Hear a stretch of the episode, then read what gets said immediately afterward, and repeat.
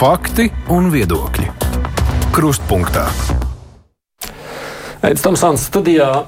Nu, apzināmies mēs vai nē, bet nu, mums ir sasniegusi jauna realitāte. Mākslīgais intelekts, kura attīstībā tiek guldīti, kā mēs dzirdam, milzīgi resursi, un tā ir kļuvusi arī par ikdienu. Mēs vēl tikai minam, cik ļoti tas ietekmēs katru no mums. Nu, viena no pirmajām jomām, kur ar šo ļoti nopietni ir jārēķinās, arī jau šobrīd, tā ir izglītība. Atsevišķi šeit droši vien būtu jārunā par to, kas notiek vispār izglītojušajās skolās, jo šobrīd nu, tā mums šķiet, ir īpaši vecāko klašu skolēniem jau ir iespēja piemānīt savus skolotājus, viņiem varbūt to pat nenojaušot. Bet kā skolas to reiķinās, tas ir viens jautājums. Mēs šodien vispirms runāsim par augstāko izglītību, jo augstskolām izaicinājumi ir abos virzienos. Nu, droši vien arī gan kā nodrošināt, ka studentu vietā kādas pārbaudas darbs jau nepilda mākslīgais intelekts, gan to, ka arī Latvijas jaunie prāti spēja virzīt uz priekšu šo jauno tehnoloģiju attīstību un nu, piedalīties tā mākslīgā intelekta evolūcijas procesā, ja tā var sacīt. Kā Latvijas augstskolas tiek ar šiem izaicinājumiem galā? Mums šeit studijā ir no studentu apvienības akadēmiskā virziena vadītājs Rudolfs Aleksandrs Šrots. Labdien jums! Labdien. No Izglītības zinātnes ministrijas un garāks pieteikums augstākās izglītības zinātnes inovāciju departaments. Un tad ir viedās specializācijas vienības vadītājs Edvards Frants Kuks. Labdien jums! Labdien! Rīgas Traģiņu universitātes prorektors Dins Šmits. Labdien. Un arī augstākās izglītības padomas priekšsēdētājs Mākslas akadēmijas profesors Antrs Teikmans. Labdien! Labdien. Teikmaņa kungs, nu, tā iesākot sarunu, kā jūs raksturot tos galvenos izaicinājumus augstākajā izglītībā saistībā ar šo? Nu, jā, varētu teikt, ka tie izaicinājumi parādījās pagājušā gada nogalē. Tad, kad 30. novembrī ChatGPT palika publiski pieejams, tas bija kā tāds, nu, varētu teikt, sprādziens. Jo nu, nav tā, ka mākslīgais intelekts pirms tam būtu nezināms kopš 50. gadiem. Datorzinību jomā jau ir šie visi termini, kas tika lietoti, un mākslīgā intelekta dažādi risinājumi tika izmantot. Bet lielākoties nu, mēs varam runāt par funkcionālo mākslīgo intelektu. Tas, kas notika 2022. gadā, bija ģeneratīvā mākslīgā intelekta sprādziens, kad parādījās mākslīgā intelekta rīki, kas var radīt uh, tekstus, var radīt attēlus, un radot šos te tekstus, šie teksti pat ir pietiekami izmantojami. Un, protams, līdz ar to arī teiksim, pirmais bija kārdinājums tos izmantot augstākā izglītībā. Ja mēs skatāmies gan, gan Latvijā, gan aiz Latvijas robežām, šie procesi sākās strauji. Pagājušā gada sākumā, janvārī, februārī, lielā daļā valstu top līmeņa universitātēs pirmais solis bija paziņot par jebkādu ChatGPT izmantošanas aizliegumu studentiem kaut kādos veikumos, bet dažus mēnešus vēlāk jau situācija būtiski mainījās. ChatGPT tika iekļauts uh, pasniegšanas metodoloģijās, tika sākts diskutēt, kā ar to visu strādāt, un bija pilnīgi skaidrs, ka ar aizliegumiem situācija ir neatrisināma gluži pretēji. Uh, pats tam ir jābūt pretējam. Uh, šie mākslīgā intelekta rīki ir jāiekļauj studiju procesā, ir jāiekļauj studiju procesa sagatavošanā, ir jāiekļauj kā instruments, jādod, jādod ieskats tajā. Nu, Pieņemsim, Mākslas akadēmija arī kāda zīmē jau šobrīd mākslīgo intelektu. Jā, protams, notiek, gan studējošie izmanto, gan mums arī ir jauni pasniedzēji, kas vienlaikus arī studē doktorantūrā un šobrīd arī ir mūsu valsts pētījuma programmā, kur mums ir īpaša sadaļa valsts pētījuma programmā, kas ir veltīta mākslīgā intelekta teiksim, ienākšanai un, un sekām kultūrā, pasniegšanā, nu, tiesiskajām sekām tā skaitā. Un, līdz ar to viņi arī ir izveidojuši grupu un ir virkni studējušie, kas lieto, ir studējušie, kas paši lieto, izmanto, izmanto ātrai prototipēšanai, gan vizuālajā mākslā, gan dizainā. Un, nu, šīs iespējas ir, ir, ir plašas. Ja. Bet viņi jums pasaka, ka viņi to dara?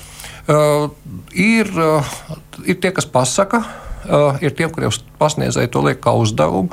Jo pats tas ideālais princips ir tāds, nu, gluži vienkārši teiksim, no tādas savas pieredzes viedokļa. Uh, man ir pavasarī bija grupa, kurai apmēram 100 studējošie, kuriem pārbaudas darbs ir esēja. Un tajā brīdī, kad nu, tas ChatGPT ienāk, nu, pusgadu vidū jūs nemainīsiet pārbaudas darba principu, bet jūs varat pārbaudas darba noteikt papildus uzdevumu. Papildus uzdevums bija tāds vienu nodaļu pārbaudas darbā, ģenerēt, izmantojot nu, šos ģeneratīvos rīkus. Un pēc tam studējošais iegūst tekstu, ko viņš var salīdzināt ar savu tekstu un veikt šī ģenerētā, ģenerētā teksta faktoloģisko un arī nu, loģisko analīzi, kritisku analīzi. Teiksim. Jo viens no pirmajiem uzdevumiem ir iemācīt studējošiem kritiski skatīties uz šiem mākslīgā intelekta rīkiem. Mm. Ko Strāņu universitāte dara runājot par mm, šīm jaunajām iespējām? Vai izaicinājumiem?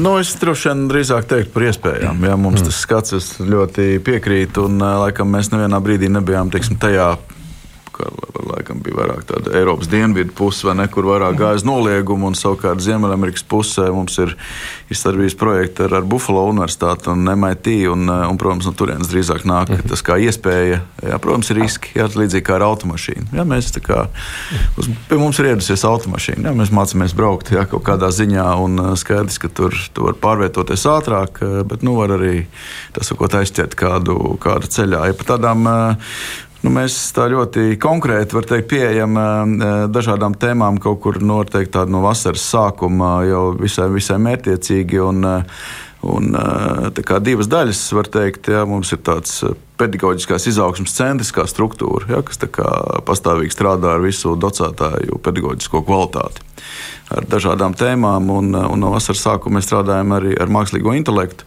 Respektīvi, visi mūsu docētāji nu, tādā saka, kārtās eh, veic eh, apmācības, ja, un apmācības eh, kā var izmantot. Līdzīgi kā viens no piemēriem, ja mēs dzirdējām šeit, studiju procesā, kas ir viena puse, ja gan mācīt, kā pielietot mākslīgo intelektu, kur to var izmantot, nu, lai nedarītu tādas lietas, Eh, kuras, kuras var izdarīt mašīna. Vienkārši sakot, ja, bet tiešām šis radošais process un, un, un diskusija būtu vairāk. Un otrs puses, kā novērt riskus eh, saistībā jo īpaši ar, ar studējušo darbu vērtējumu. Ja, un eh, varbūt lielāka uzmanība tam, ko universitātē sauc par kumulatīvo vērtējumu, ja, kas sastāv no dažādām sadaļām, un kur un, un mākslīgais intelekts arī palīdz lielāku uzmanību un vairāk laika veltīt tiešām šai kvalitīvai diskusijai. Ja, jo mūsu mērķis ir aizvien vairāk un un, un kā, gan studējušiem, gan arī pētniecībā balstītās studijas. Ne tik daudz būtu atcerēties ļoti daudz faktu. Ir profesijas, kur jāatcerās. Bet iemācīt cilvēkiem domāt, kritiski izaicināt esošos faktus, kādi ir tagad, un, un, un tā sakot, kļūt par, par, par personībām šai ziņā. Tā ir viena daļa. Un, eh, un, ja interesēs, var nosaukt veselu virkni rīki, kur tiek lietot arī jau šobrīd. No, prot, ja RSU ir iegādājusies jā. arī profesionālo ChatGPT versiju tieši, lai to strādātu un izmantotu. Un mēs esam novērtējuši, ja studējošos, eh, mums ir vairākas aptaujas nu, kur jūs lietojat. Ja, kā jūs lietojat, kā jūs izmantojat, lai arī palīdzētu nodarbībā studējošiem, sakot, nu, šis ir labs stils.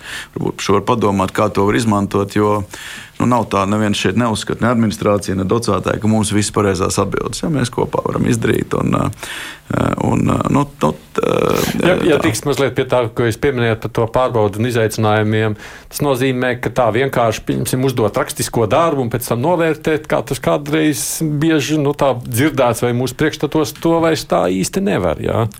Nu, redzat, ja mēs raugāmies uz, uz eseju rakstīšanu, jā, kā tika pieminēts, jā. kas ir tipisks veids, tāda laba mācīšana. Jā, es ceru, ka Stradiņu universitātē to arī studējušie piedzīvo.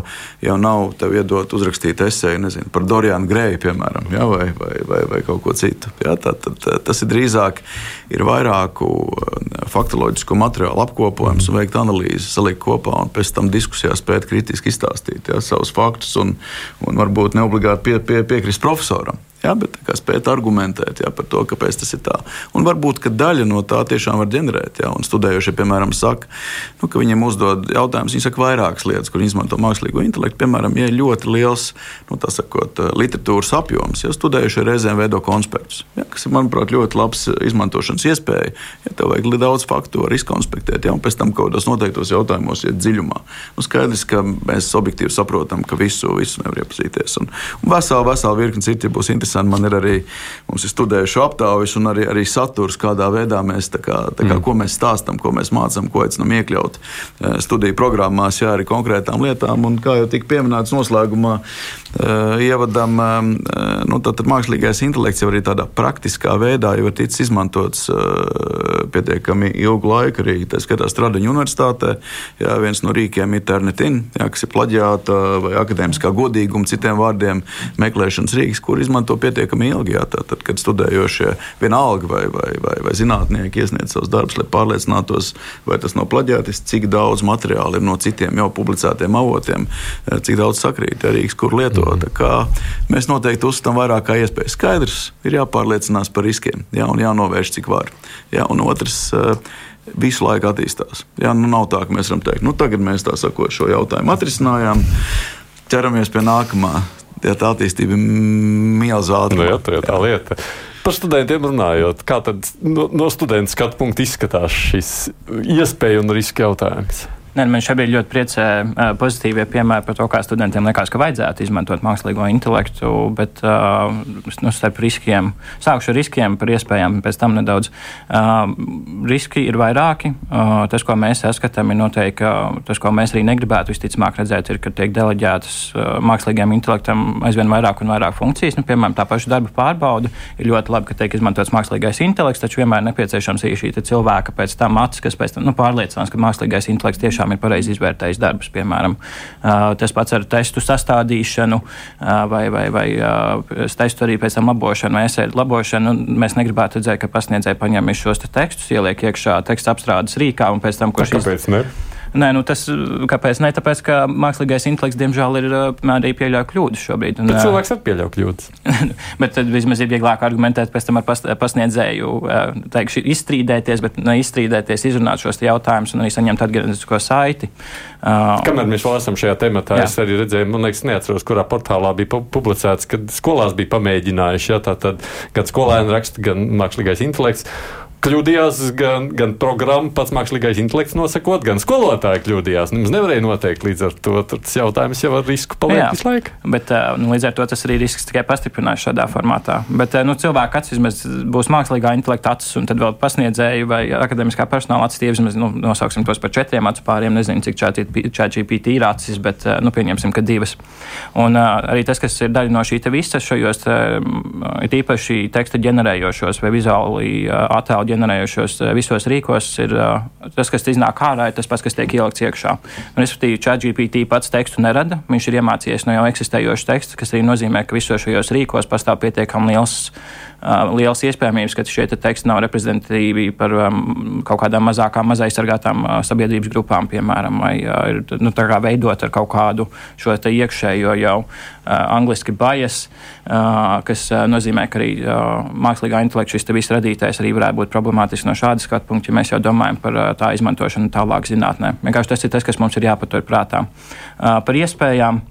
Iespējas ir ļoti daudz, tīpaši samazināt šo kaut kādu slogu gan studējošiem, gan pasniedzējiem. Man liekas, arī ļoti labs piemērs.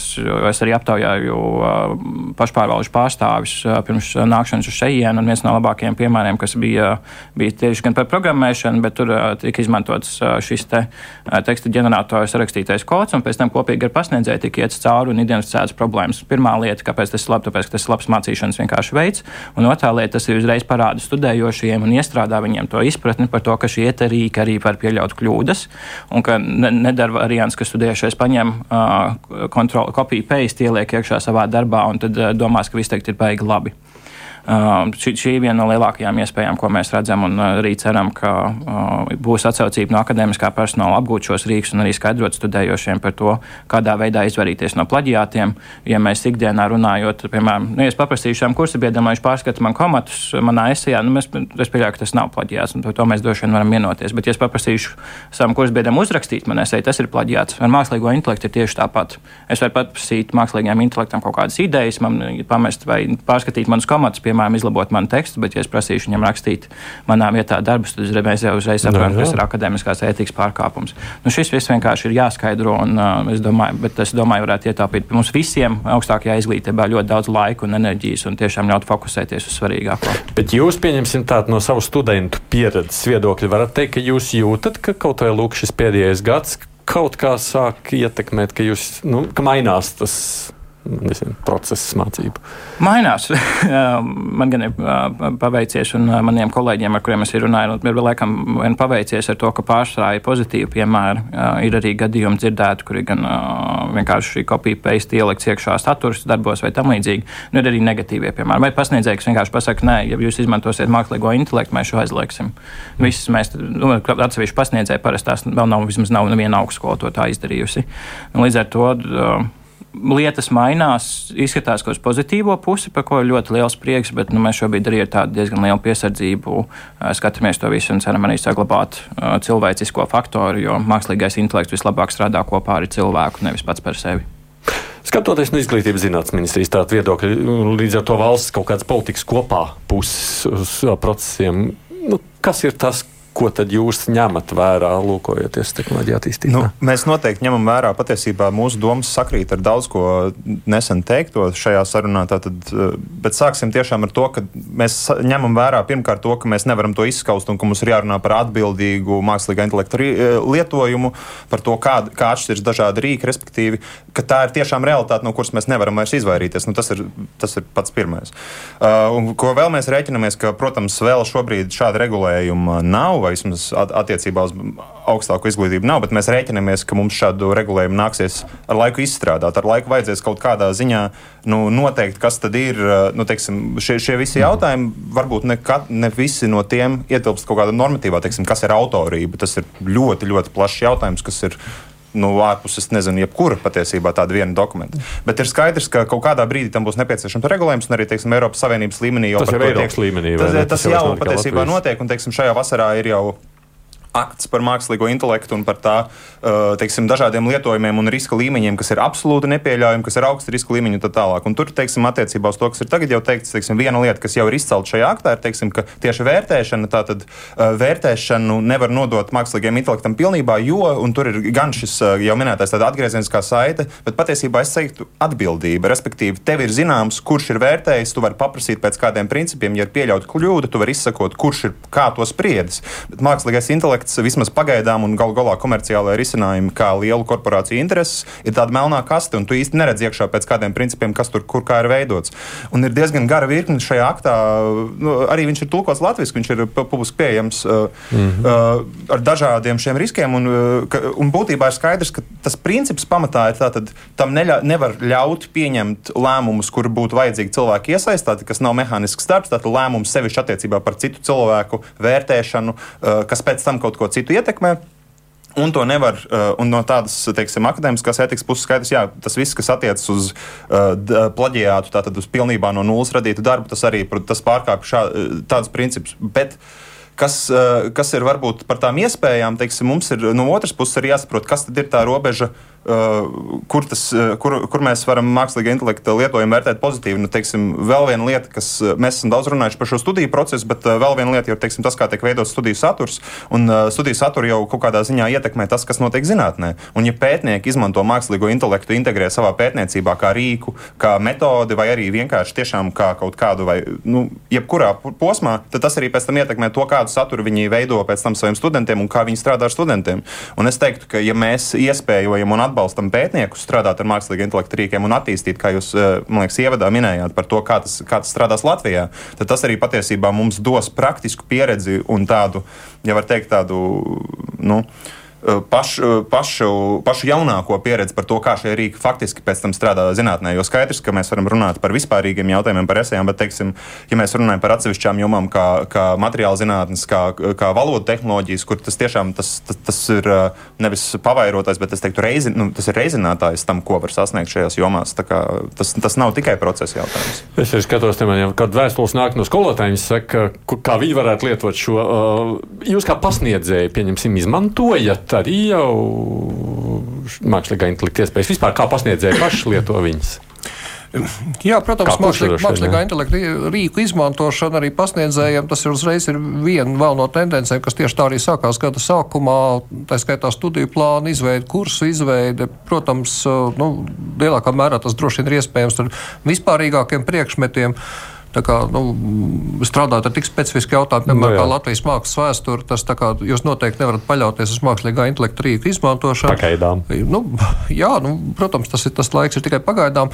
Skatoties par mākslīgā intelekta rīku izmantošanu visos izglītības līmeņos, nāk prātā, mēs vēl gada pirmajā pusē vienā no diskusijām minējām, nu, tā skaitā arī mūsu valsts politiskās vadības pārstāvjiem, ka tas taču būtu salīdzinoši neliels ieguldījums. Mums ir apmēram 17,000 pedagoģu vispār vispārējā izglītībā, 5000 profesionālajā, 8000 augstākajā.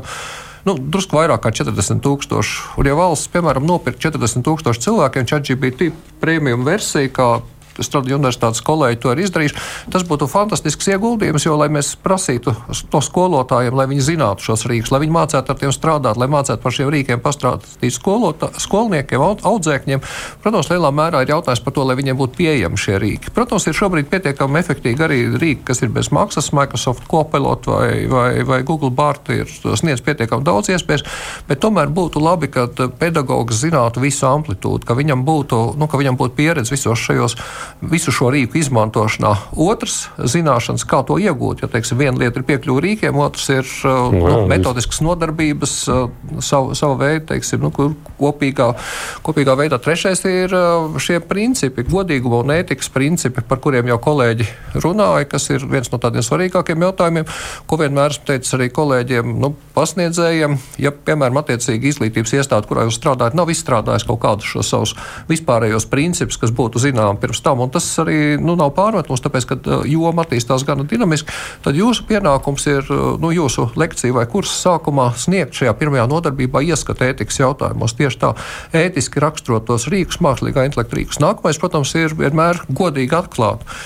Tās nu, informācijas sadaļas, kur, piemēram, esmu izmantojis, teiksim, ģenerējot kaut kādu materiālu, piemēram, attēlu, izmantojot ģeneratīvos rīkus, vienmēr ir vai nu jūsu prezentācijā vai lekcijā atklāt, ka daļa šī materiāla mm -hmm. vai šis materiāls ir, ir veidots izmantojot ģeneratīvo uh, mākslīgā intelekta rīkus, lai radītu arī šo pašu, lai, lai tas paliktu par, teiksim, vispār pieņemtu praksi, lai arī jūsu audzēkņi pēc tam uh, ģeneratīvo rīku izmantošanu, teiksim, izsmeļoši aprakstītu, kā, vien, kā metodes, teiksim, kāda rīka, kādā veidā, kādas uzvednes ir lietotas, ka, kas ir jautāts, kāda rezultāti iegūt, kā kritiski salīdzināt, lai tas nekādā veidā netiktu paslēpts. Nu, man liekas, ka tas ir viens no tiem ceļiem, bet jā, nu, izglītības procesā es domāju, šiem rīkiem ir potenciāls iespējas visos līmeņos.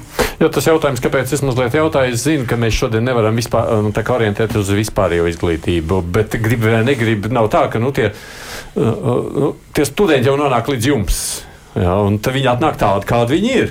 Kādi varbūt ir skolotāji, kur neko nav sapratuši, viņi, nu, tik, ko viņi tur paši ir apgūši, to viņi ir apgūši. Vai ne kādiem varbūt skolai trāpījies viens nu, tāds, nezinu, kā lai to pareizi pasakā, spēj, spējīgs sekot līdz jaunākajam skolotājam, un tad kā lūk to visu salikt kopā augšskolē. Atbildot uz Teikmiņa kungu teikto, es domāju, ka Viens ir šie rīki, bet nu, tomēr konkrētie rīki jau tiešām visu laiku aktīvi turpinās. Mēs varam teikt, attīstīties un mainīties. Un es domāju, ka šis pēc idejas, piemēram, var piekrist, ka ir, ir, ir vērts izplatīt šīs zināšanas arī pašu pedagoģu vidū. Bet vai mēs varam sagaidīt, teiksim, ka cilvēki izmantos tieši šo rīku un pilnībā visi drīzāk šo principu izskaidrošana ir pat vēl svarīgāka un tā nepieprasa no katra pedagoga saprast rīka, teiksim, nu, praktisko, kā, kā, kā caur pieciem, sešiem promptiem dabūt precīzu attēlu, bet gan šos principus, kuri varbūt nemaz nepieprasa tādu personisku aktīvu iesaistu ar šo rīku. Nu, jo mēs, jautājums ir, cik mēs varam sagaidīt no katra cilvēka to ieguldīšanos izpratnē par, šī, par katru atsevišķo rīku, vai vismaz īsajā termiņā, cik mēs to varam gaidīt. Bet visiem skolotājiem vajadzētu kaut kādus steidzamos kursus, vai ne?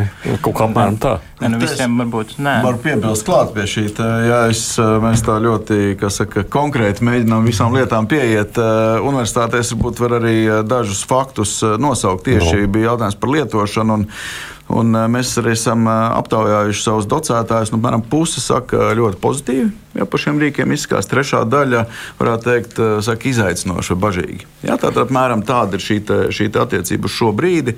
Un, un arī ir konkrēti piemēri, kur tas tiek izmantots. Nu, tad viena no mācību metodēm ir, ir, ir uzdevuma scenārija veidošana. Ja, tas, kas ir case-based studijas angļu valodā, ja, kas ir ļoti vērtīga forma, zinām, radusies Harvardā savulaik, ja, kas ļauj tiešām nu, attīstīt kritisko domāšanu, caur diskusiju, kā iegūt zināšanas.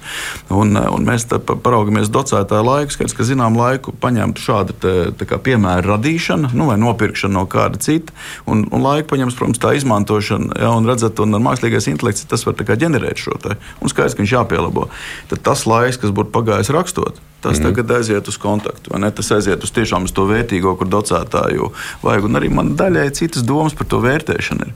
Es domāju, ja tehniski mākslīgais intelekts izvērtē, ja, un tos docētājs spēj izmantot, arī tad var iezīmēties vietas, par kurām diskutēt. Ja, nu tā nosacīta, ja šobrīd mums ir Rīgas, kur sākam izmantot saucās grade scope, kas ar roku rakstītu tekstu, piemēram, matemātikas formulas, ķīmijas formulas, un tā spēja analizēt un sniegt atbildi, ir pareizi vai nav, un arī norādīt, kur ir nepareizās vietas. Jā, vai spēja norādīt programmā, piemēram, nu, tagad diezgan daudzi Pythonā tiek mācīti programmēt, vai ne, kur parāda, kur ir sintakses kļūda. Jā, tā ir vieta, kur, ar kuru, par kuru specifiski kā, nu, tajā mācību procesā darboties. Nu, Protams, nu, īstenībā nav jau tā, ka pasniedzējs jebkurā gadījumā droši vien izmanto, ja, ja viņš grib šo novērtēšanas Jā. procesā, un tikai tad, ja tur varbūt šķiet, ka kaut kas neštimē latviešu sakot, tad viņš varbūt sāk. Jā, mums ir starptautiskie studenti, piemēram, un, un mēs varam iedomāties, ka lekciju materiāls ja, vai vizuālais materiāls, kas tiek ierakstīts, jā, ir, mums ir programma par nopto, kurā mēs ierakstām, ko var izmantot un, un jāpārvērš citā valodā. Mākslīgais intelekts ideāls, jā, tad pārvērš tekstu speech, tā sakot, gan uzliek titrus, gan arī valodu, kas agrāk būtu bijis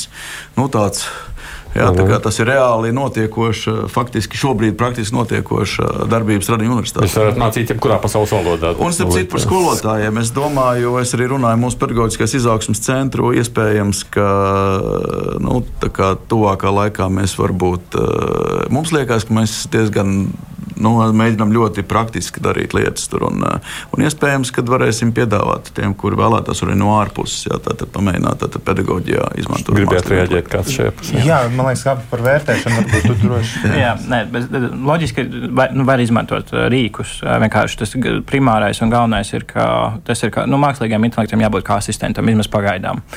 Pēc desmit gadiem varbūt mēs runāsim jau par citu konceptu, Precīzi. bet šajā brīdī tas vienkārši ir kā, jāuztver kā asistents. Mēs varam iedot mākslīgajam rīkam apskatīt, pārskatīt, komentēt, un kas ir pozitīvi, ir indiv, varbūt arī individuālāk patiesībā atgriezniskā saite, pateicoties šim, ja mākslīgais intelekts detalizētāk apraksta, kas ir tā kļūda, ko pasniedzējs varbūt nemaz viņam roka neceltos to darīt 200 studentiem, piemēram.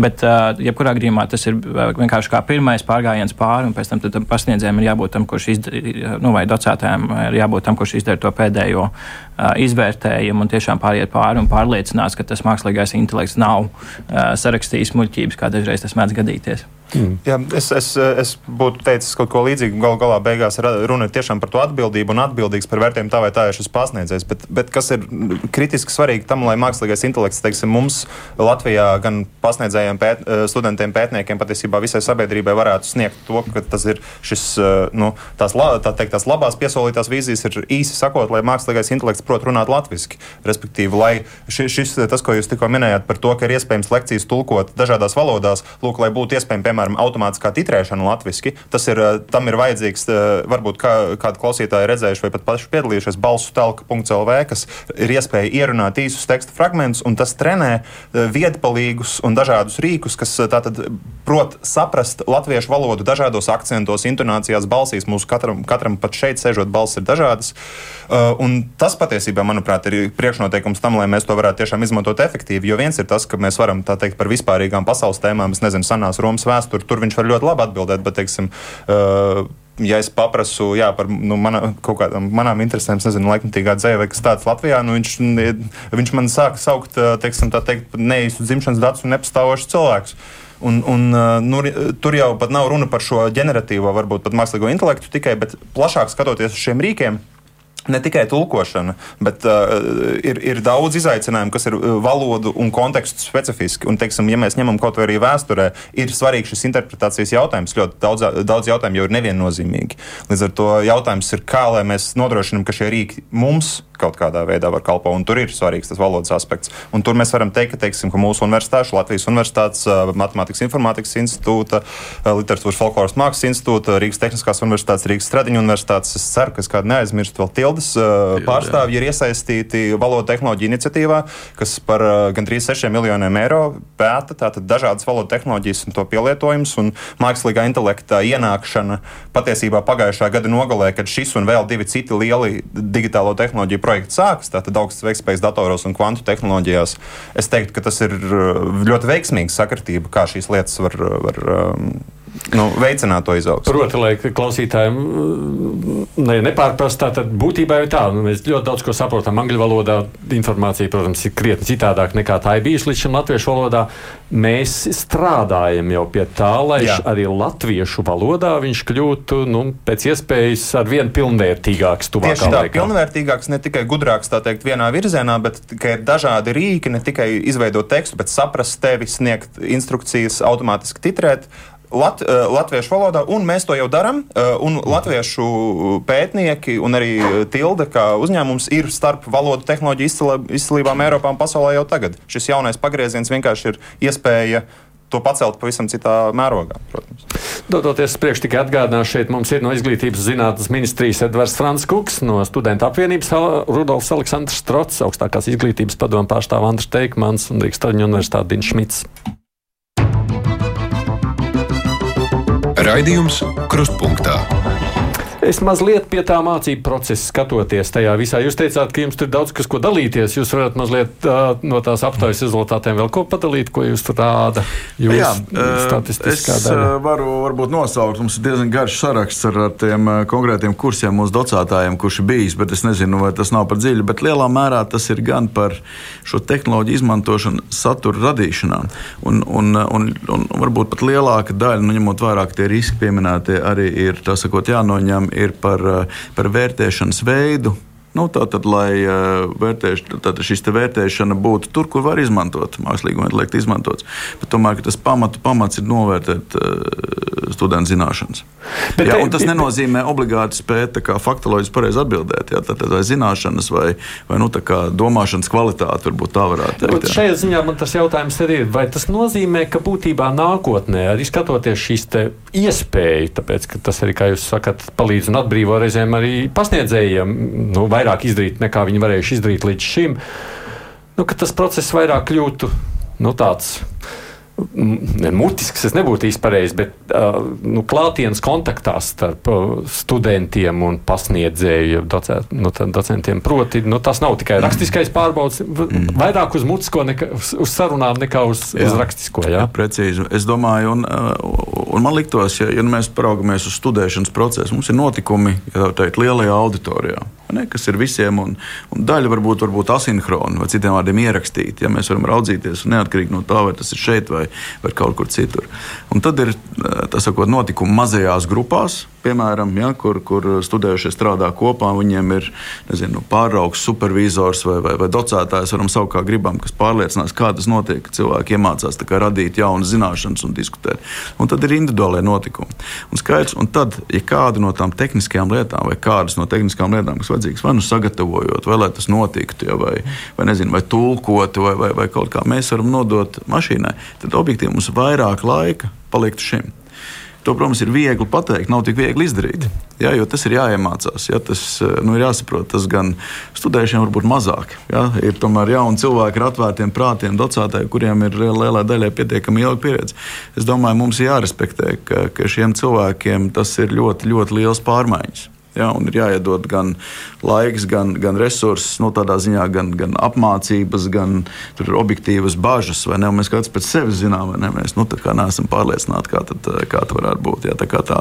Bet es domāju, ka tas virziens ir tieši tur. Tad mm -hmm. iedot tur, kur nu, tā cilvēciskā vērtība, ja, tas mūsu, mūsu prāts, ja, tas mūsu jaunrada, ja, ko, mēs, ko mākslīgais intelekts nevar. Mākslīgais intelekts algoritms, kurš tā kaut kādā veidā sakombinē to, ko no vēstures mēs viņam esam ielādējuši ja mūsu uzdevums ja, izglītībā, ja, kā mēs kā savā universitātē, Stradiņu universitātē, ir radīt jaunas zināšanas. Tad cilvēkus, kuri spēj radīt jaunas zināšanas, nevis skaidrs spēt analizēt to, kas ir bijis, un uz tā arī balstīties. Bet tomēr tā ir lielākā. Ja par studējošiem bija jautājums, nu, tā tad literatūras meklēšana. Jā, studējušie gan paši saka, ka nereti tas eh, ir nekorekti. Jā, ir jāmāk, ir jāzina, kuri rīki, ja jāpārliecinās, vai atsauces tiešām ir īstas. Jā, jo tiek notiek halucinācijas, kā saka, un parādās neīstas atsauces. Jā, tad tiek izgudrots. Tad ļauts dalās, ko viņi ir uzdevuši mākslīgam intelektam, kāds brīnums saņem ārā. Jā, tad ir paškontrole, dažādi veidi, kā, kā studenti mums teikuši, kā viņi pārliecinās. Nu, tad viņi palūdz, lai tika radīti testi jautājumi, piemēram, pirms eksāmeniem, un tad viņi iet cauri mēģina atbildēt, skatās, vai pareizi vai nē. Nu, tā kā tāds, tāds paš, pašvērtējums vai nu paši ar sevi vai, vai, vai ar kādu citu ir, ir atmiņas pārbaudes un, un nezinu, tur mnemonika atgādņu veidošanas, nu, respektīvi, ir kaut kādi īpaši saīsinājumi, jo, zinot, nu, ir smart mērķi, apmēram tādā līdzīgā līmenī, nu, lai palīdzētu atcerēties kādus faktus. Varbūt mums arī veselības studijas diezgan daudz, tur ir ļoti, nu, tur jāiemācās, ja mums vajag diezgan, diezgan gudrs cilvēks. Tur ir terminoloģijas izpratne, arī prezentāciju izveide. Nu, tādas ļoti praktiskas lietas, un par to godīgumu ir tā. Šobrīd uh, mūsu prasība ir, ir studēšana. Visiem ir jānorāda tur, kur izmantos mākslīgais intelekts. Jā, reizēm mēs varam lietot, bet jums jānorāda. Jā, ir jānorāda, kurā radīšana, un tas ir obligāti prasība. Mm -hmm. jā, un, ja tas tiek pārkāpts, tad ir pārkāpts akadēmiskais godīgums. Jā, un tur tā tolerance tāda ļoti ierobežota. Mm. sakot, un jums jā. šķiet, ka tas strādā šobrīd? E, nu, zināt, kā. E, tas ir labākais, ko mēs varam izdarīt, jo mēs objektīvi šobrīd nav nevienam nekāda rīka, kas ar absolūti 100% pārliecību to varēs norādīt. Mums šķiet, ka strādājot kopā, tā skaitā ar kursiem, tā skaitā ar studējušo pašpārvaldu, veicot aptaujas, kā jūs lietojat, kur mēs redzam vērtību un, un, un tā, mums tas šķiet nu, tā tāds pareizākais ceļš būt pastāvīgā diskusijā. Un, protams, tie ir tādi, teikt, tādi iepūši jāboli, jā, vai, vai teiksim, melnās sāpes, varam saukt kā gribam. Nu, viņi vienmēr ir absolūtā mazākumā.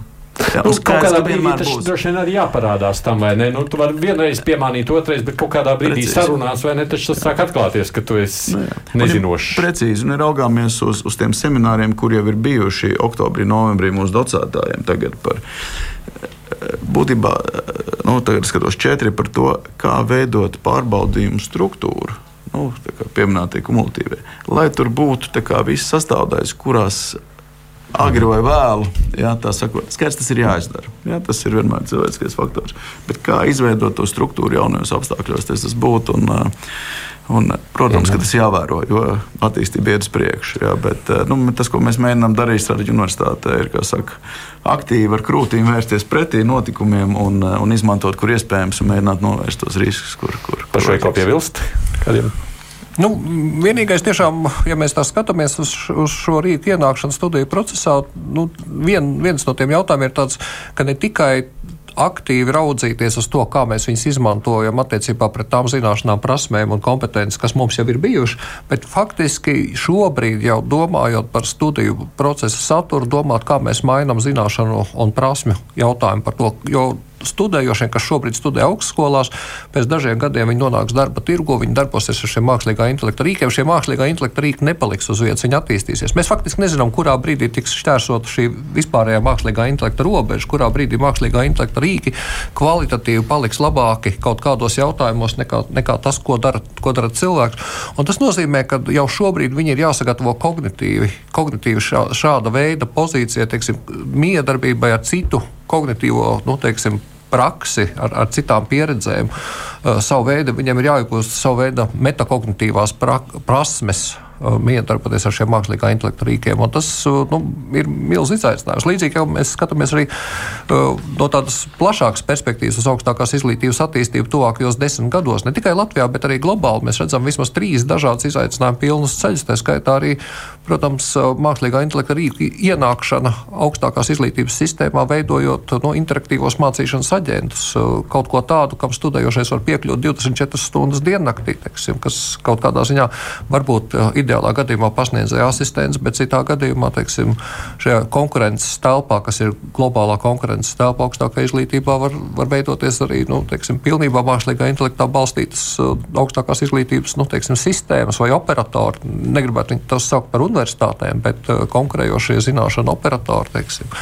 Un tad augstskolām būs jāatbild uz būtiskāko jautājumu par to, kāpēc ir augstskolas. Kas ir tās kvalitātes, kas tiek dotas augstākā izglītībā? Un tad parādīsies, ka cilvēciskās kvalitātes ir viens no būtiskākajiem jautājumiem. Tieksim, tieši komunikācija ar cilvēkiem, komunikācija savā starpā, tieši no šīs kognitīvās prasmes cilvēkiem. Nu, uh, piebalsojot, ir gan šīs cilvēciskās prasmes, bet arī organizācijas kultūra, uh, kaut kāds profils. Nu, teiksim, mēs zinām, ka katrai katrai institūcijai ir kaut kāda sava kultūra, sava, sava aura, ja tā, ja tā drīkst teikt. Bet, uh, vēl mazliet uh, tinot to spolīt atpakaļ, kā tas mainīs teiksim, kaut kādas, uh, kaut kādas saskarsmes augstākā izglītībā. Mums jāatzīst, šajā sarunā mēs arī ļoti daudz diskutējam par to, kas nemainīsies. Mēs gan to varbūt tā nesaucam vārdā, bet tātad pamatā tātad šis izziņas process, tātad uh, studijas un, un arī es, es, es visu laiku vilkšu tomēr tam klāt pētniecību. Tātad tas ir izziņas process, tas ir jaunradas process, tas ir sadarbības process, kā mēs iemācāmies sadarboties pētnieciskā komandā, kā mēs iemācāmies sadarboties ar tehnoloģijām, tā skaitā.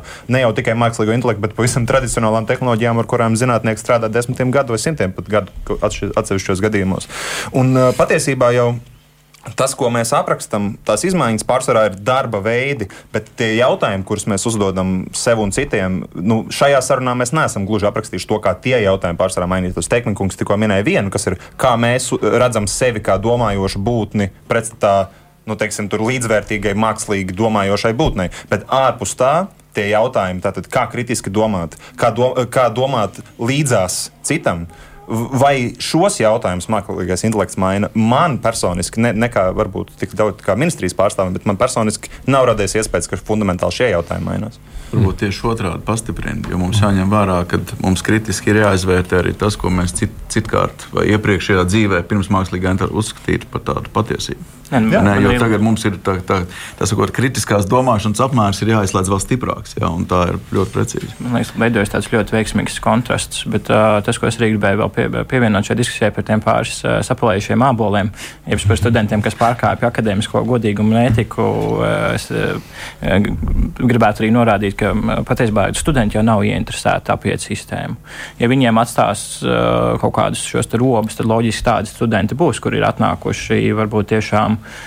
nezinu, vairāk pieredzes dēļ, vai, vai kā mēdz teikt, papīra dēļ, bet lielākā daļa studējuši ir absolūti ieinteresēti tajā, ka gan viņu kolēģi ievēro akadēmisko godīgumu, jo mums ļoti lielākajā daļā augstskolu notiek ļoti cīvas sacensība, piemēram, par budžeta vietām un stipendijām, gan arī kopumā mēs visi tomēr esam ieinteresēti, ka tas studiju process, ko mēs, kuru mēs izdzīvojam, un tā izglītība, kur mēs iegūstam, ir kvalitatīva un laikam līdzējoša. Un līdz ar to arī pašpārvaldes un Latvijas studentu apvienība vienmēr uzstājusi arī ar ļoti, uz ļoti maz iecietību pret akadēmiskās ētikas pārkāpējiem, gan studentu vidū, gan arī nu, pašpārvaldes. Arī, piemēram, Latvijas Universitātē sociālajā zinātņu fakultātē, kuras studēju iepriekš, bieži pašpārvalde bija tie, kas rekomendēja studējušos pilnībā izslēgt no studijām, nevis brīdināt, piemēram, par plaģiātiem un tam līdzīgi. Līdz ar to studenti arī ir interesēti tajā, ka mēs visi kolektīvi spējam vienoties par spēles noteikumiem, un tad pēc tam arī kopīgi, un viņus arī kopīgi izstrādāt, un pēc tam arī kopīgi pēc tiem īstenot šo mācību procesu. Un, atgriežoties pie vispārējās izglītības, es atceros, ka es gribēju iepriekš pateikt, man ir ļoti liels aicinājums skolotājiem tomēr pastīties tos rīkus, mēģināt viņus saprast pirmkārt, lai viņi paši spēj identificēt, kurā brīdī viņu skolēni vai, izglīt, vai studējošie izmanto šos rīkus, bet arī tāpēc, ka augstākajā izglītībā, kā mēs šodien šeit klausāmies, šie rīki ienāks un augstskolām ļoti ilgstoši ir, ir sāpīgs jautājums par to, ar kādām zināšanām atnāk jaunie studenti. Mm. Bet teic, par šo starp citu runājot, nu, ja mēs skatāmies uz skolu, tad dzird no vidusskolēniem nu, tādu vīpsnāšanu. Nu, tā, tur skolotājs tāpat neko nesaprot šajā ziņā. Viņi ir jūtās, skolēns jūtās krietni pārāks par skolotāju spējām norēģēt. Universitātēs, augstskolās arī nav tā, ka reizēm. Hm, students jūtas, viņš jau īstenībā spētu pamācīt skolotāju. kā, kā kur? Um, protams, arī studentu vidū mēdz iet apkārt stāsts, kur uh, stāsta par to, kā pasniedzēja māca, kā ieslēgt projektoru. Uh, bet, uh, bet tas, tas pat nav pats svarīgākais, jo uh, bet, uh, nu, kaut, kaut kādas varbūt atsevišķās jomās un situācijās, jā, kopumā es pilnīgi nepiekrīstu, un arī uh, skolēniem, kas miņā skolotājiem, nu, skolotāji arī tomēr saprot lietas, ka kaut kāda iemesla dēļ jau viņi tur ir. Un, ja tas ir skolotājs vai pasniedzējs. Nē, savu priekšmetu, ja viņš saprot. Ne, bet, bet arī kop, bet, ja tas ir skolotājs un pasniedzējs, kuram tiešām interesē tā lieta, ko, tas, ko viņš pasniedz un māca, tad es domāju, ka arī nav grūti pastīties, kā tas varētu ietekmēt tieši viņu jomu, kas ir, nu, ko māca, vai tā ir eksaktā zinātne vai humanitāra sociālā zinātne, vienalga.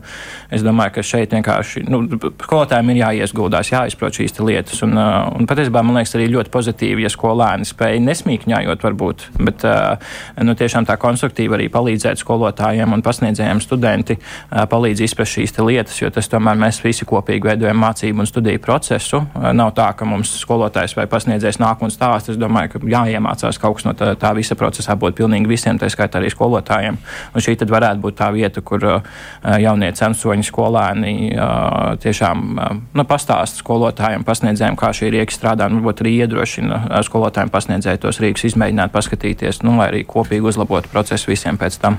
Ne, šī diskusija ir aktuāla tieši tāpēc, ka notikumi attīstās tik ātri, ka nu, skolotāji nav bijuši bieži vien arī gatavi. Un būtībā jebkurai visai sabiedrībai šis ir milzīgs izaicinājums. Es bet, pilnīgi noteikti kā... saprotu, ka viena daļa klausītāja vispār nesaprot, par ko mēs šodien runājam. jā, nu, bet zinot, kā ir, es domāju, ka jautājums ir, kurš ir uzdevums. Es esmu pasniedzējs vai, vai, vai skolotājs. Mans uzdevums ir, ir pārliecināties, ka nu, vairāk par augstāko izglītību, ka studējošais ir apguvis priekšmetu. priekšmetu to saturu, kurš bijis jāapgūst. Ka es, kā docētājs, es spēju šo cilvēku aizraut ar šo priekšmetu, ja, un caur to veidu, kā es to daru, ja, tad esmu radījis izziņas vēlmi ja, šajā cilvēkā.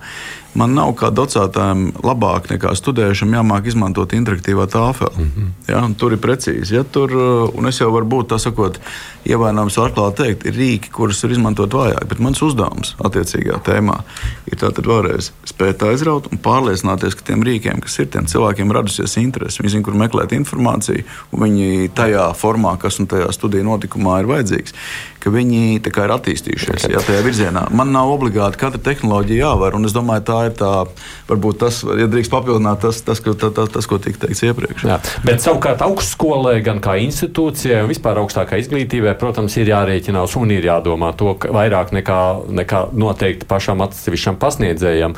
Un tāpēc, pabeidzot to sarunu, man ir kāds minūtes septiņas palikušas, sešas, septiņas. Nu, jūs izstāstījāt, ko jūs esat līdz šim darījuši un kāds ir tas virziens. Ko jūs redzat, nu, kam ir tuvāko pāris gadu laikā jānotiek? Nu, ja drīkst, kamēr esam vēl pie Staļņa universitātes, nu, ko jūs redzat, ko jūs gribat izdarīt tā tuvākajo pāris gadu laikā? Um, nu, droši vien, varbūt papildinot uh, iepriekš teikto, mums uh, tātad, uh, digitālais saturs tātad, parādīsies vairāk visās studiju programmās un studiju kursos, un iespējams aizvietos kaut ko citu, kas vairāk nav tik aktuāls. Ja šobrīd mums ir projekts HPC, High Performance Computing, ja, kurā uh, ir arī daļas, tur ir gan par veselības uh, digitalizāciju, ja, gan arī digitālās prasmes kopumā, kur mākslīgais intelekts iekļaujas. Tātad, lai tas attiecībā uz studējošiem, -hmm. ja, ka tātad digitālās prasmes, līdzīgi kā varbūt ir citas caurvīju prasmes visiem, aizvien vairāk parādīsies visās studiju programmās. Jā. Saturiskā daļa, kāda būs, droši vien daļu jau zinām, cita vēl parādīsies, jo ir lietas, ko vēl nezinām, kā attīstīsies. Tā ir noteikti viena daļa, un noteikti turpināsim, ja tā drīkst teikt. Nu, visiem docētājiem tomēr iet uz priekšu, līdzīgi kā kādreiz tas ir bijis ar, ar, ar, ar svešvalodu vai citām prasmēm. Uh, tomēr iemācīties, nu, tā sakot, vispār, pašiem lietot, kā, kā, un, pašiem lietot un, un saprast. Un, protams, nu, vēlreiz mums ir pedagoģiskais izaugsmes centrs, kas ir mūsu izglītības vai pedagoģijas kvalitātes nu, sakot, virzītājs, jā, atbildīgs tieši par šo, kuram ir uzdevums pārliecināties, ka tiešām visi iesaistītie tātad, mm. gan, gan saturā, gan arī, gan arī mūsu nu, sakot, kvalitātē. Un beidzamais ir, ir protams, pētniecība, jā, kurā, kurā tur ir liela nozīme. Mums ir Eh, gan veselības, gan sociālās studijas abās divās. Ja, mums ir interesi eh, nu, tā kā, tā kā farmācijas pusē, ir, tur ir atklāšanas rīki, ko var izlietot. Ja, mums ir šobrīd pētniecībā ir rīks, eh, mēs veidojam nu, rīku, kurš spēj atklāt uh, viltu ziņas. Jā, tad, tad kā liels projekts, ja, kas varētu būt kā inovācija, arī kā produkts beigās tapt un tam līdzīgi. Jā, tad arī pētniecība inovācijās mūsuprāt tas ir liels virziens. Nu, globāli skatoties, būtu svarīgi, lai Eiropa nepazaudētu šajā globālajā sacensībā par mākslīgo intelektu, vispārējo mākslīgo intelektu. Jo, jo šobrīd Eiropa nav starp attīstības uh, līderiem. Uh, vienlaikus Eiropa ir nu, gandrīz vai vienīgā, kas mēģina izstrādāt uh, regulējumu, kas, kas nav slikti, tāpēc ka Eiropas Savienības nu, primārais mērķis vienmēr ir aizsargāt individu, aizsargāt Eiropas Savienības pilsoņus. Protams, jautājums par to, cik tas regulējums būs veiksmīgs vai neveiksmīgs, mēs to redzēsim. Šis minētais jau mākslīgā intelekta akts, kas vēl nav pieņemts, ko ies, īstenībā droši vien, ka pieņems nākamais parlaments. Es nezinu, tur tas process, likumdošanas process nav ātrs, bet nu, viņā ir viens tāds punkts, kas tā kā vienmēr liek satraukties, ka nu, šis, šis likumdošanas akts iero, var ierobežot arī pamatiesību hartas 13. punktu, kas ir akadēmiskā brīvība. Nu, ir tas, nu, tad, tas nozīmē, ka kaut kādos jautājumos tas var ierobežot arī pētniecību, kaut kādos jautājumos tas var ierobežot arī to, kas tiek pasniegts. Un, nu, tā pašā laikā liekas, ka pašreiz man pat, patīk tā telpa, regulatīvā telpa, kāda šobrīd ir Latvijā, mums no autortiesību likuma viedokļa visi ģeneratīvie produkti, kurus jūs ģenerējat, ja nav licences līgumā noteikti citādāk, ir jūsu autortiesību nu, jau nu, tas ir jūsu mhm. autortiesības, ir uz šo, šo, šo rezultātu. Nu, tur ir atšķirība, piemēram, teiksim, ar dažu valstu autortiesību regulējumu, kas nu, man liekas, Latvijā ir izdevīgāk māksliniekam vai, vai rakstniekam vai zinātniekam, kurš izmanto šos generatīvos rīkus. Svarīgi būtu to nepazaudēt. Autortiesību likums atļauj arī veikt tekstu izrāciju un datu izrāciju. Nevienmēr ar autoru piekrišanu, īpaši, ja tas ir tikai izglītības vai, vai pētniecības nolūkos, tur nav vajadzīga teiksim, nu, autoru piekrišana tam, ka jūs izmantojat šo te tekstu izrādes. Tā kā man liekas, tas arī ir gana progresīvi progresīvi. Un svarīgi, protams, jā, nu, svarīgi ir nebaidīties kā sabiedrībai un izmantot to kā iespēju. Mēs esam neliela sabiedrība, neliela valsts, un mērķiecīgas investīcijas šajā jomā var izrādīties mm. mūsu galvenais, galvenais nu, teiksim, nākotnes uh, attīstības un, un izrāvienu pamats. Nu, no ministrijas es sapratu, jūs šo to minējāt, gan to normatīvo bāzi sakārtojot un skatoties beig beigās, jā, gan arī. Nu, jā, tātad tie ir tiešām divi, divi virzieni. Tātad, ko mēs darām praktiski, kas ir tā teikt, tie ieguldījumi, ko mēs varam veikt augstāk augstākā izglītībā, pētniecībā kaut kādos virzienos. Tātad es minēju valodu, tehnoloģijas, kvantu, kvantu datorika un augstas veiktspējas da, datorika. Tas ir HPC, ko minēja Šmita kungs. Un otrs ir šī, šis normatīvais. Bet vēl jau, protams, ir tas, ka nu, mēs, mēs, jau, mēs nenosakām kursu saduru. Tas ir tā, tādā ziņā, tā ir augstskola autonomija. Mēs neiejauksimies tādos jautājumos, bet mm. ir skaidrs arī, ka ir tik daudz nezināmo, ka mēs vienmēr esam atvērti tam, ko arī teikt, nozara saka. Nu, ja, ja mums teikt, pie, pie durvīm nāk augstākās izglītības padomu un saka, šis, šis ir tieši tas, ko mākslīgā, mākslīgā intelekta jautājumos jums vajadzētu skatīt. Mēs jau arī uz to reaģējam. Tādā ziņā mm -hmm. mēs, mēs esam klātsoši gan šodien, gan, gan katru dienu. Nu, no studentu puses skatoties, iespējas. Ja Nu, uzraudzīsim ministrijas darbu no studentu apvienības puses un arī augstskolu šo procesu ieviešanu, jo tas tomēr ir studentu apvienības viens no galvenajiem mēķiem ir vēro, vērot, kā šīs lietas notiek un attīstās, bet kopumā vienkārši atbalstīt arī pārējo sadarbību, sadarbības partnerus un nozari loģiska, nepārāk ierobežojuša un sakārtojoša normatīvu aktu un kaut kādu ētikas kodeksu, piemēram, izstrāda augstskolās, lai tiešām panāktu, ka tas studiju process ikvienam studējot strādājošiem un arī akadēmiskiem personām, arī pētniecības process uh, ir pieejams, draudzīgs un uh, tiešām arī atbilstošs tam, ko prasa mūsdienu laiki. Mm. Nu, ir skaidrs, ka mums kaut kad arī tuvākajā laikā jārunā par to, kas notiek vispārējā izglītības sistēmā. Tā kā es domāju, mēs šo sarunu turpināsim. To es saku saviem klausītājiem, sakot paldies tiem, kas atnāca šeit uz studiju. Mums no Studentu apvienības akadēmiskā virziena vadītājs Rudolfs Aleksandrs Strots, Izglītības zinātnes ministrijas augstākās izglītības zinātnes inovāciju departamenta viedās specializācijas vienības vadītājs Edvards Frants Kuks, no augstākās izglītības padomas priekšsēdētājs. Viņš ir arī Mākslas akadēmijas profesors Andris Teikmanis un Rīgas Traģņu universitātes prorektors Dīns Šmits. Paldies jums! Es tālāko mazliet arī rīt krustpunktā būs klausītājiem iespēja izveicāt ārlietu ministru Krišānu Kariņu. Šķiet, viņš ir visaprunātākais politiķis pēdējās nedēļās bijis gan ar saviem lidojumiem, lidmašīnām, gan gatavību kandidēt uz NATO ģenerāla sektāra amatu. Un, protams, arī daudz citu starptautisko notikumu, par kuriem ir noteikti rīt ko runāt. Tad, tad klausītājiem iespēja uzdot savus jautājumus arī būs. Mēs tiekamies vēl Latvijas raidījā viens ēterā pēc stundas, kad skanēs raidījums divas puslodes, kas ir veltīts starptautiskiem notikumiem. No, nu, tur šoreiz mazāk runāsim par to, kas notiek Izrēlā, par ko esam diezgan arī daudz runājuši. Runāsim par tām bažām, ka Krievija pēc dažiem gadiem varētu uzbrukt Baltijas valstīm, ja vien Baltijas, jeb NATO valsts nebūs pienācīgi sagatavojušies šādam scenārijam. Par to brīdina gan vācieši šobrīd, gan poļi par to ir runājuši, un arī uh, citu valstu nu, eksperti, kas liek uh, nu, uzmanīgāk palūkoties uz visiem šiem nākotnes scenārijiem. Palūkosimies, kas notiek Venecuēlā, kas faktiski ir piedraudējusi faktiski iekarot kaimiņu valsti Gajānu. Pieminēsim arī aizsaulē aizgājušo ASV politiķu diplomātu Henriju Kisindžeru. Tas tātad Latvijas radio viens viļņos pēc trījiem. Kurspunktā izskan atgādina, mūsu redzījums ir skatāms arī televīzijā pēc stundas, tad, kad šeit radio ētrā šis redzījums beidzas. Protams, izmantojiet arī aplikācijas arī visas interneta tehnoloģijas, kādas ir, lai radio klausītos, tad, kad jums tas ir ērti. Producēju šo raidījumu jau uzreiz, tad jā, bija es, Aidis Tomsons.